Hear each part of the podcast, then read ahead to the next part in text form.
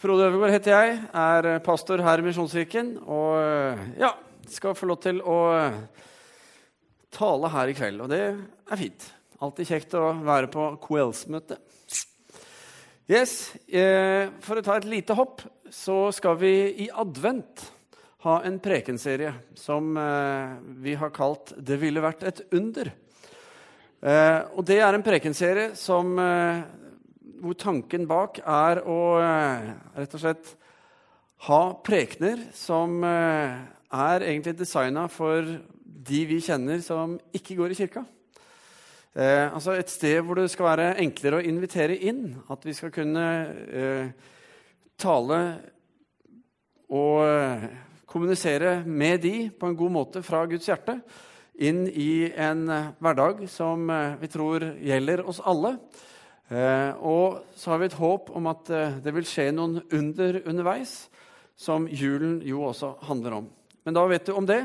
Når det gjelder forkynnelsen ellers i høst, så handler det egentlig om å forberede deg og meg, som går i kirka til vanlig, på eh, hvordan vi kan bli mer inviterende, hvordan vi kan være mer åpne i forhold til troen vår og få et mer avslappet eh, og godt og trygt forhold til det. Eh, vi har vært igjennom en prekenserie som het 'Ganske enkelt uimotståelig', som handlet om eh, å peke på Jesus og det livet han levde, som var ganske enkelt uimotståelig. Og hvor eh, målet vårt er jo på en måte å lære av han hvordan vi kan gjøre det. Og Derfor er vi i gang med en ny prekenserie nå som sagt, som heter Utbryter.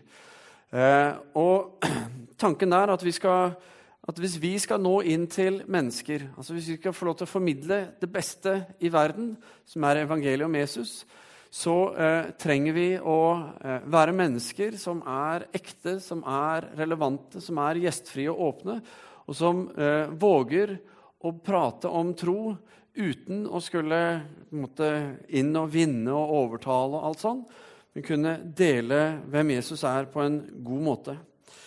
Og For oss så handler det i praksis om at eh, vi skal få lov til å ligne mer på Jesus. At det er et kall, en utfordring vi får, vi som tror på Jesus.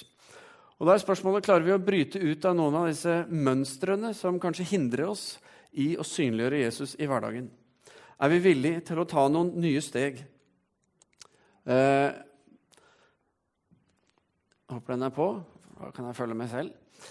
Det er den. I dag så er det altså 'Bryt med stereotypene' som er, eh, som er tema. Fordi når jeg var ungdom Ikke fordi, da, men når jeg var ungdom så det er ikke fordi jeg var ungdom at vi skal bryte med stereotypen i dag. nødvendigvis. Men da jeg var ung, så var jeg veldig opptatt av hifi, av god lyd av det å liksom ha de beste høyttalerne, forsterker Kablene selvfølgelig var kjempeviktig. ikke sant? Kjøpte sånne fonokabler til 1600 kroner meteren. De kom i halvmetere, så det var litt billigere. så var de på halv pris, og, Men kjøpte to, da, så ble dyrt allikevel på studielån.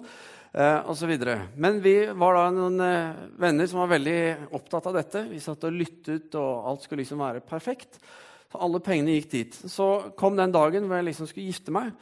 Og da, for dere som ikke har gifta dere ennå, så endrer på en måte budsjettet og hvordan vi bruker pengene litt. Så da eh, kunne jeg liksom ikke bare gå ut og shoppe feteste av hifi. Så det ble noe annet. Så for meg så kom jeg til et punkt hvor jeg var nødt til å bryte med stereotypene.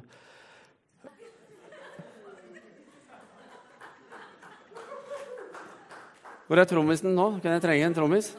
Neida. Beklager å måtte vise dere mitt sanne jeg. Det er litt sånn jeg er, men jeg skal ha for at jeg tør. Eh, men fakta er at det finnes mange stereotyper, som er den rette trykket på ordet. Og vi ser det hver dag. Wikipedia eh, sier det at en stereotypi det er en tro som kan bli vedtatt om bestemte typer av individer, eller om visse måter å gjøre ting, men at troen kan eller ikke kan nøyaktig gjenspeile virkeligheten. Altså det handler altså om generelle eh, oppfatninger som ikke nødvendigvis eh, forteller deg hva som er sannheten, virkeligheten. Hvis jeg nå f.eks. sier trønder, så tenker jeg en del av dere tenker på skinnvest og bart. ikke sant? Der har du den typiske trønderen. Sier jeg svenske, så kommer alle vitsene du kan. Eh, hvis du er fra eh, Er det noen fra Vest-Agder her? Ja, og Hvis jeg sier rogalending til dere, så sier dere pissemaur. Det er helt greit. Jeg hadde tenkt å si det, jeg òg. Hvis du går over grensen for å handle mat, vel, da er du harry, ikke sant? Og hvis du er kristen og kommer fra Vestlandet, da er du kjent for denne Vi vet at Jesus drakk vin, men vi liker det ikke. Ikke sant? Og eh, hvis du da i tillegg er jærbu og litt sånn janteprega, så er du blant de som eh, kan finne på å si noe sånn som dette. Han er god, men han trenger jo ikke å få vite det. Videre. Det er mange sånne eh, stereotyper som vi har om masse forskjellige mennesker og alt som er. Og vi har de, vi har de, og vi møter de hver dag. Eh, når vi ser mennesker som er kledd på spesiell måte, eller har spesielle framtoninger, eller gjør spesielle ting, så, så er vi inne i disse med en gang. Men det som eh, representerer en særlig utfordring for oss som da tror på Jesus og er kristne, det er at det er jo stereotyper om eh, de kristne òg. Og du har kanskje hørt de før. Typisk er eh, at de kristne de er fordømmende. Bare for to uker siden så var jeg på fest i eh, nabolaget mot masse venner som ikke går i kirka til vanlig. Og Da hadde jeg en samtale. og møtte en som da sa det at hans møte med kirke og kristne det var at han følte seg fordømt. Så Det er noe som lever i dag. Det er ikke noe sånn gammelt. Men det finnes mennesker der ute helt klart som opplever det. Eh, eller at vi kristne er arrogante. Vi vet alt. Den kristne troen er liksom det rette. Alt annet er bare tull. Alle religioner, glem det. Eh, det er sant for så vidt, men det er liksom hvordan man formidler det. Neida, men ja, Den er vanskelig, den der. Men det er noe med hvordan er holdningen? Hvordan er det vi framstår med det vi tror på? Eller at vi er hatefulle og intolerante, f.eks. i homofilisaken, som det har vært mye blest om opp gjennom årene. Eh, I eh, USA har det noe som heter Barna Research Group, som er en stor og seriøs aktør innenfor research der borte. Eh, og De hadde et oppdrag med å se på hvordan er det folk ser på kristne og på Kirken. Og De kom fram til at bare 16% i aldersgruppen 16 30 år hadde et positivt inntrykk, eller et godt inntrykk av kristne. Det betyr at det er 84% som ikke har det, eller som ikke har noe spesiell tanke om hva det er. Eh, men det som gikk igjen blant de 84% det var kommentaren om at eh, vel, kirken er ikke lenger det den en gang var. Eh, den ligner ikke på Jesus sånn som det gjorde før. Eller de siterte Gandhi, som er kjent for å ha sagt 'Jeg liker den Kristus dere har, men jeg liker ikke de kristne'. Fordi han klarte ikke å se sammenhengen. Poenget her er ikke å si noe sant om oss kristne, men, eh, for jeg tror ikke at dette representerer majoriteten av de kristne. At vi er fordømmende, at vi er arrogante eller intolerante og hatefulle. Det tror jeg ikke. Men eh, det er en stereotypi. Typi, ty, ja, ikke sant? En tro som er utbredt, og som eh, om at vi kristne er sånn. Og da er spørsmålet skal det være sant. Skal det på en måte være noe, eller skal vi ut og korrigere på det bildet? I hvert fall med våre liv som vi kan styre med. Dan Kimball, som har, skrevet, uh, har jobbet litt mye med dette, han har skrevet en bok som heter 'They Like Jesus, But Not The Church'. Uh, og Der er han i samtale og møte med masse uh, unge mennesker i 16-30 år som sliter med forholdet til kirken. De syns Jesus er topp, prater gjerne om han, interessert i alt som har med Jesus å gjøre, men de assosierer kirken og de kristne med noe som er negativt. Og eh, Hensikten med boken er jo at vi skal få innsikt og forståelse av hvordan er det folk tenker om oss, eh, sånn at vi kan gjøre de endringer vi må gjøre for at sannheten om hvem eh, Jesus er, sannheten om hva troen handler om, og det det vil si å være en kristen, at det skal komme fram. Fordi det er ikke hatefullt osv. Og Vi kan gjerne bruke mye energi på å bortforklare og si at det er media, for de er bare interessert i ytterpunktene, og de fremstiller det galt. og sånn, og Så har du den gruppen som sier sånn, osv. Så Uansett hvor sant det må være eller ikke, eh, så er jo poenget at disse stereotypene er der. Og for de menneskene som ikke har et forhold til kirke, og kanskje ikke kjenner noen kristne, men som hører dette, eh, de vil jo gå glipp av hvem Jesus er. Og antagelig ikke ville ønske å nærme seg dette pga. disse tingene. Så vi trenger å gjøre noe med det. Vi trenger å være mennesker som uh, synliggjør noe annet. Vi trenger å være mennesker som lever det Paulus snakker om i Efeserne 4,15, hvor han sier at uh, vi skal være tro mot sannheten i kjærlighet og i ett og alt vokse opp til Han som er hodet, nemlig Kristus. Fordi Bibelen den oppmuntrer oss til at vi skal være mer og mer lik Jesus for hver dag med våre liv. Eh, kan det høres ut som en eh, voldsom eh, greie å skulle bli mer og mer hver eneste dag, men det er noe med hvordan tenker vi, hvordan ønsker vi å være, og hvordan eh, styrer vi livene våre. Og Hvordan innebærer det da å bli mer lik Jesus? Paulus sier i Filipperne 2, vers 2-5, sier han, så gjør nå min glede fullkommen. Ha samme sinnelag og samme kjærlighet. Vær ett i sjel og sinn. Gjør ikke noe av selvhevdelse og tom ærgjerrighet, men eh, skal vi se, vær ydmyke og sett de andre høyere enn dere selv. Tenk ikke bare på deres eget beste, men også på de andres. La samme sinnelag være i dere som også var i Kristus. Så det å være Kristus lik, det handler om å være bevisst på å være kjærlig, å være ydmyk, å være uegoistisk og være villig til å sette andres interesser foran sine egne. Vi ser aldri at Jesus i møte med mennesker som ikke har et aktivt forhold til tro, at han hevder sin rett, at han har en politisk agenda, eller at han er ute og egger til strid og 'Kom her, nå skal vi diskutere og lage greier', og 'fy skam deg', osv.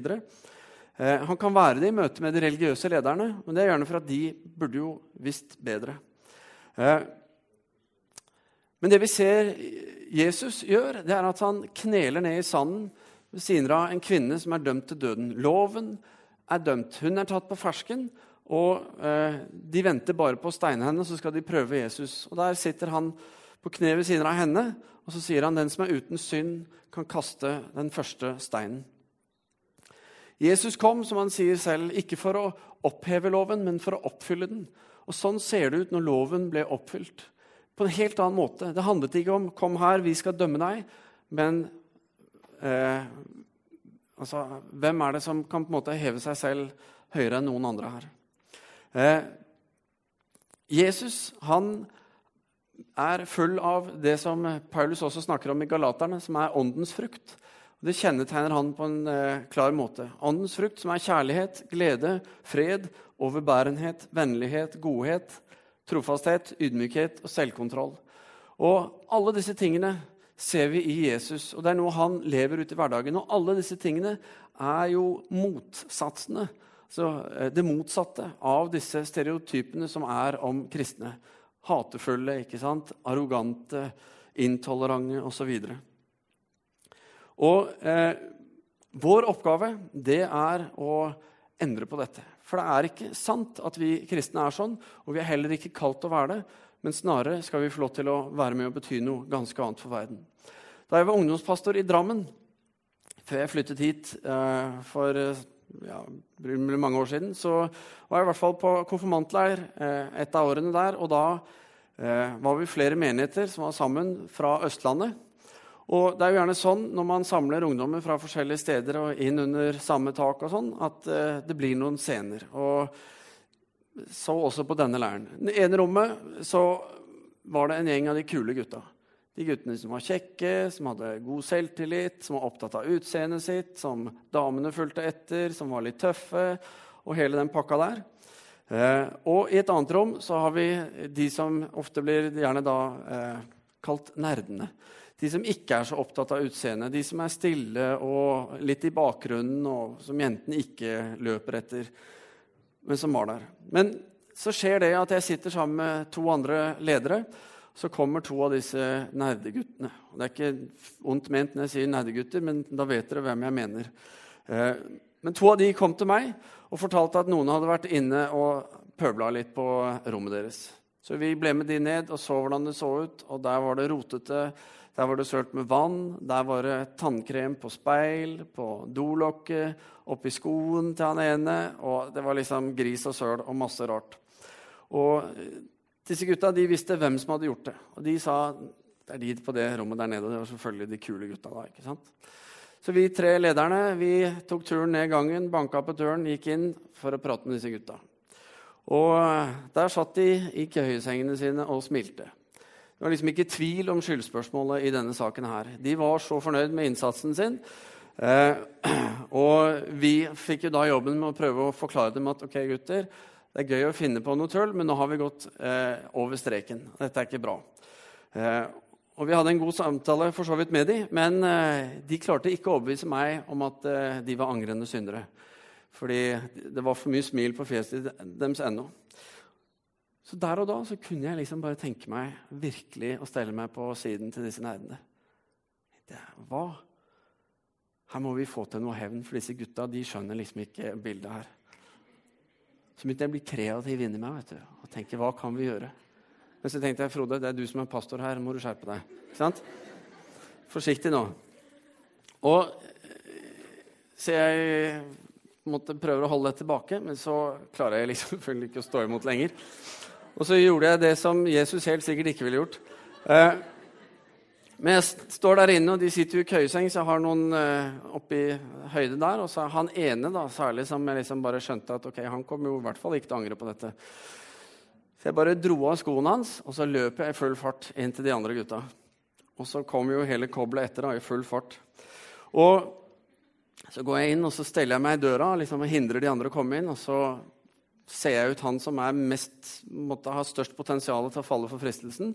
Så gir jeg han skoen og så sier jeg, vær så god, her har du skoen til en av disse gutta. Nå kan du ta igjen. ikke sant? Nå kan du få vise dem hvor kjipt dette er. Gi dem en skikkelig lærepenge. Og eh, Han hadde glimt i øyet. ikke sant? Akkurat det jeg håpa på. En som skulle bite på her. Men så var det disse andre to lederne da, som var yngre enn meg, og som ikke var pastorer. Som liksom Frode, er du sikker på at vi skal la dette skje? Uh, men jeg oppmuntret dette. Kom igjen, nå har du sjansen. Kom igjen. Ikke sant? Så så jeg på han at han hadde lyst, men så tvilte han. For han skjønte vel det at hvis han gjorde det, så var det jo altså, ingen tvil om at det var han som hadde gjort det. Sånn at han kunne hende han fikk noen represalier siden. da. Men plutselig så bare får jeg en sånn tanke. Det var jo selvfølgelig ikke fra meg, for nå har dere sett åssen jeg er. Eh, jeg får da denne tanken, som jeg heldigvis tar tak i og spiller på. Så sier jeg, 'Vet du hva? Du kan gjøre akkurat sånn du vil.' Den skoen der, den er din. Gjør akkurat sånn du vil. Kan du vise og bare ta igjen og gjøre det som de gjorde mot deg. Men, sa jeg, det du også kan gjøre, det er å bare vise at du er så utrolig mye bedre. At du tilgir disse gutta. At du gir dem tilbake skoene og sier dette har ikke jeg lyst til å gjøre. Jeg tilgir dere. Vær så god, liksom. Og så er jo dette en klok ung mann, heldigvis. ikke sant? Så han gjør dette. Han går bort og så gir han skoen til han som eier den, som står der og bare ikke gjør det. Ikke sant?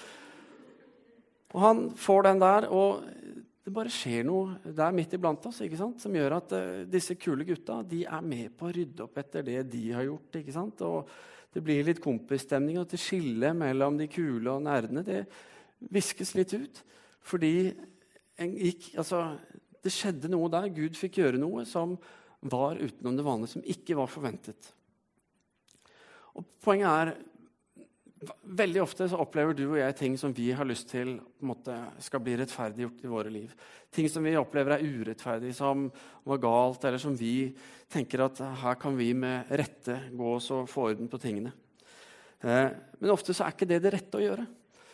Eh, og Spørsmålet er hvordan kan vi bygge en bevissthet og bygge en holdning og ha verdier som gjør at eh, vi velger å ikke holde vår rett, velge å liksom stå på det som er vårt, men åpne opp for å komme i kontakt med mennesker på en annen måte. Eh, og for Det er ikke sånn at vi er nødt til å være hatefulle og arrogante og intolerante for å bekrefte stereotypene. Det eneste vi trenger å gjøre, er å ikke ligne på Jesus noe særlig. Ikke skille oss ut, for da blir vi usynlige i mengden her. Men jeg tror det er noen viktige steg som vi trenger å ta for å bygge vår bevissthet. For at vi skal være med og synliggjøre eh, hvem Jesus er. At vi skal få lov til å være med og nå inn til mennesker på en ny måte. Og husk det, Jesus han var ganske enkelt umotståelig. For det første så er det noe med å sette kjærligheten høyest. At det er en verdi som står eh, over måte, vår egen selvrett, f.eks. Det handler om å være villig til å gi etter, det handler om å være villig til å bli urettferdig behandlet. Fordi en ser at her eh, vinner ikke jeg noe på å trumfe gjennom meg, men her kan jeg heller kanskje få en mulighet til å møte de på en annen måte. Ikke avskjære fremtidige muligheter fordi vi trenger å blåse ut eller stå på våre krav. Eh, ikke sikkert mange av dere husker den. Det kan hende eh, barnebarnet til Arnold Børud sang den, og dere har hørt på Lisa Børud. jeg vet ikke. Men eh, kjærligheten seirer, over, overvinner alt. Kjærligheten håper, og den tåler alt. Det er en sang som ble sunget mye da jeg var tenåring. Men det er mye sant i den. Eh, og den avspeiler mye av hvem Jesus var, og den holdningen som vi trenger.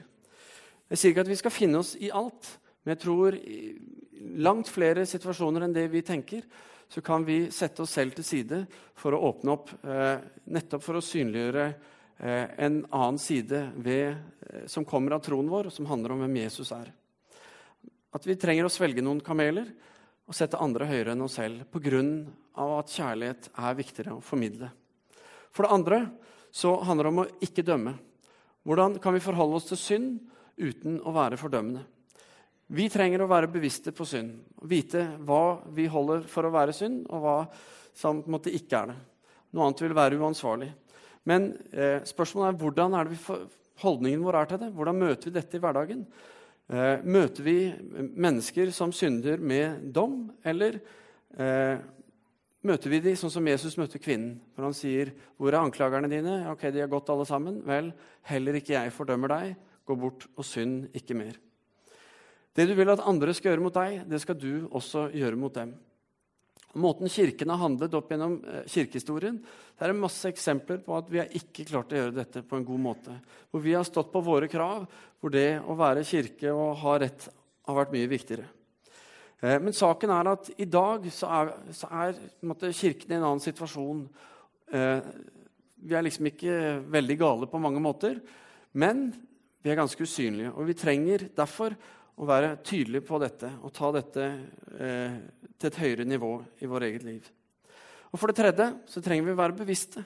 Bevisste på troen vår og eh, hva den handler om.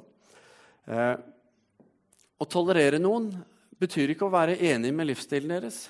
Vi kan, opp, vi kan opprettholde vår tro og vårt standpunkt. Eh, troen på hvem Gud er, hvem Jesus er, om hva frelsen handler om, og eh, hva Bibelen forteller oss, og samtidig være kjærlige og rause i møte med mennesker som har helt andre eh, syn på livet, en helt annen livsstil. Eh, det er mange kristne som føler at de må glatte litt på troen for å gjøre den mer akseptabel for folk som ikke tror. Eller at de må gå på kompromiss med seg selv for å bevare ansikt i møte med andre. Vi trenger å bygge vår egen selvtillit som kristne. Skape en bevissthet i oss selv på hva er det vi tror på, hva er det det handler om, og hva er det vi skal få lov til å gi videre. og Hva er kjernen i det? Eh, Altfor mange eh, handler uvitende og på andres vegne. Altså, Man har arvet holdninger enten i menighet eller i hjem om hvordan ting skal være i møte med andre mennesker. Og så kommer vi med en sånn derre ja, sånn er det-holdning som er lite måte, attraktiv for andre mennesker og skaper ikke gode samtaler. Eller vi feiger ut eh, fordi vi ikke har tatt oss tiden med å virkelig forstå hva er det vi tror på. Vi har bare tatt for gitt at eh, Jesus alltid er god. ikke sant? Så er det noen som setter spørsmål ved det, og så, eh, så mister vi. Og så kan det hende at vi gjør ting vi egentlig ikke ville. Ikke tro og men på andres vegne, men bygg din egen bevissthet, og dermed også grunnlaget for den troen du har. Dan Kimball, som eh, henviste til her i sted, som har skrevet den boken, han sier ikke-kristne de ønsker å vite hva vi tror på. De ønsker og er åpne for å snakke med oss om troen. Men de ønsker en god samtale, ikke dårlige holdninger. Så det er så viktig hvordan vi møter mennesker. Og da er det også viktig at vi har en trygg, eh, trygt og bevisst utgangspunkt. Og for det fjerde be. Be om at du får lov til å være en brobygger, en som kan være med å synliggjøre noe mer. At du kan få lov til å være med å, å både sette kjærligheten høyest, både være eh, bevisst og også være en som ikke dømmer. Fordi Gud ønsker å lede oss i alle situasjoner. Og i mange situasjoner så har vi allerede fått den ledelsen vi trenger. Fordi vi har lært enten på søndagsskolen eller på bibelskolen, eller vi har lest i Bibelen eller fått i forkynnelse i menighet og andre steder opp igjennom. Så vi vet hvordan vi skal forholde oss i en del situasjoner. Men i andre situasjoner så kan vi også få en tanke eller en idé eller et bilde eller noe, sånn som jeg fikk på konfirmantleiren. Hvor vi bare kan Ok, nå gjør vi noe litt annerledes her.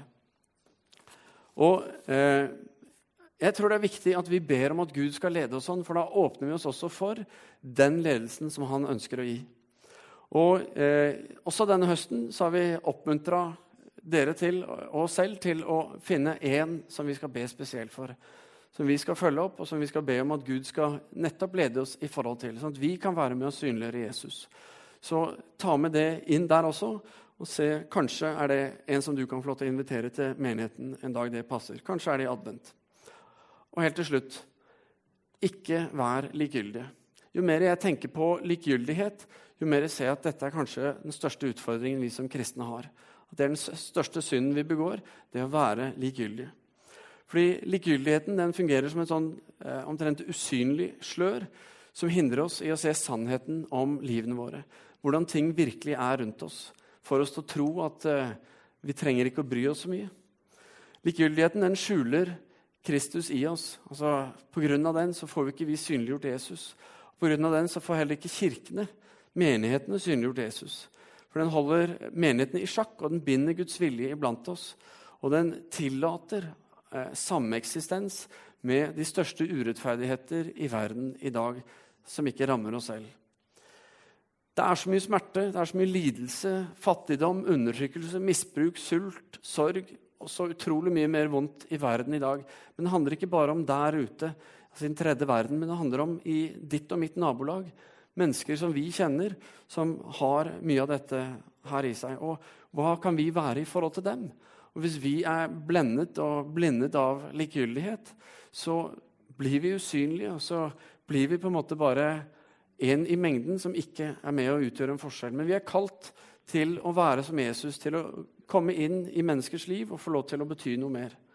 Eh, ifølge den internasjonale organisasjonen One, som Bono er en, eh, en av en måte, talsmennene for, de bekjemper fattigdom bl.a. i verden. Og de sier det at eh, hver dag så dør eh, mer enn 1000 barn pga. mangel på næring, altså underernæring. De dør for de har ikke nok mat. Bare forestill deg den sannheten og det tallet med barn mennesker som dør hver dag. Samler du det over et år, så er det jo hinsides noe hva noen som helst terrorist eller galmann skulle finne på å gjøre. Ikke sant? Men vi klarer å leve med den ikke sant? og si ok, sånn er det. Ja vel. Og Det handler om likegyldighet. Og det er noe som vi virkelig må være bevisst på å gå imot. At ikke vi blir likegyldige, men at vi er bevisste og er med på å gjøre noe. Og det syns jeg dere som ku skal ha klapp og ære for når dere er med på å gi gaver eh, ekstra, sånn som dere gjør, til viktige ting her i byen. Det er et lite steg, og det er veldig bra. Jeg er på ingen måte noen helt. Jeg er ingen ekspert på dette. Jeg har masse ting å ta tak i og jobbe med, og utfordringer hver dag i mitt liv. Men du og jeg, vi kan utfordre oss selv på å ta noen nye steg. Til å si at ok, fra nå vil jeg være mer bevisst. Fra nå av så vil jeg eh, være mye tydeligere. Jeg vil eh, lære Jesus bedre å kjenne, slik at hans kjærlighet kan få lov til å få større plass i mitt liv, og at jeg kan få lov til å formidle den videre. Bare sånn kan vi bryte stereotypene som er om oss. Bare sånn kan vi gi verden et sant bilde om hvem Jesus er, og hva han har gjort. Og dette er vårt kall. Å være lik han. For at verden skal se han. Han har tross alt gitt sitt liv for hver enkelt for at hans kjærlighet og hans frelse skal få nå ut til flest mulig mennesker. Og jeg tror at Jo mer dette får vokse fram i oss, jo mer blir vi mennesker som andre mennesker ønsker å være sammen med og ha eh, fellesskap med. Da blir troen som vi bærer, eh, attraktiv. Da blir den relevant, fordi den får lov til å komme inn i hverdagen på en ordentlig måte. Ikke preget av stereotyper, men preget av Jesus, som er troens opphavsmann og fullender, som det heter på fint. Skal vi be. Kjære himmelske Far. Takker deg, Herre, for at eh, du har gitt oss eh, Jesus som forbilde. At du har lært oss hvem du er, at du har vist oss hvordan vi skal få lov til å leve. Og du har sagt at vi skal ikke bare eh, prøve å ligne han, men du vil gi oss kraft til å leve det livet. Til å få lov til å stå i Eh, det spennende gapet mellom himmel og jord. Og vi får lov til å representere deg. Og Jeg ber Jesus, Herre, at vi skal få lov til å være mennesker som er med å forandre verden, Herre.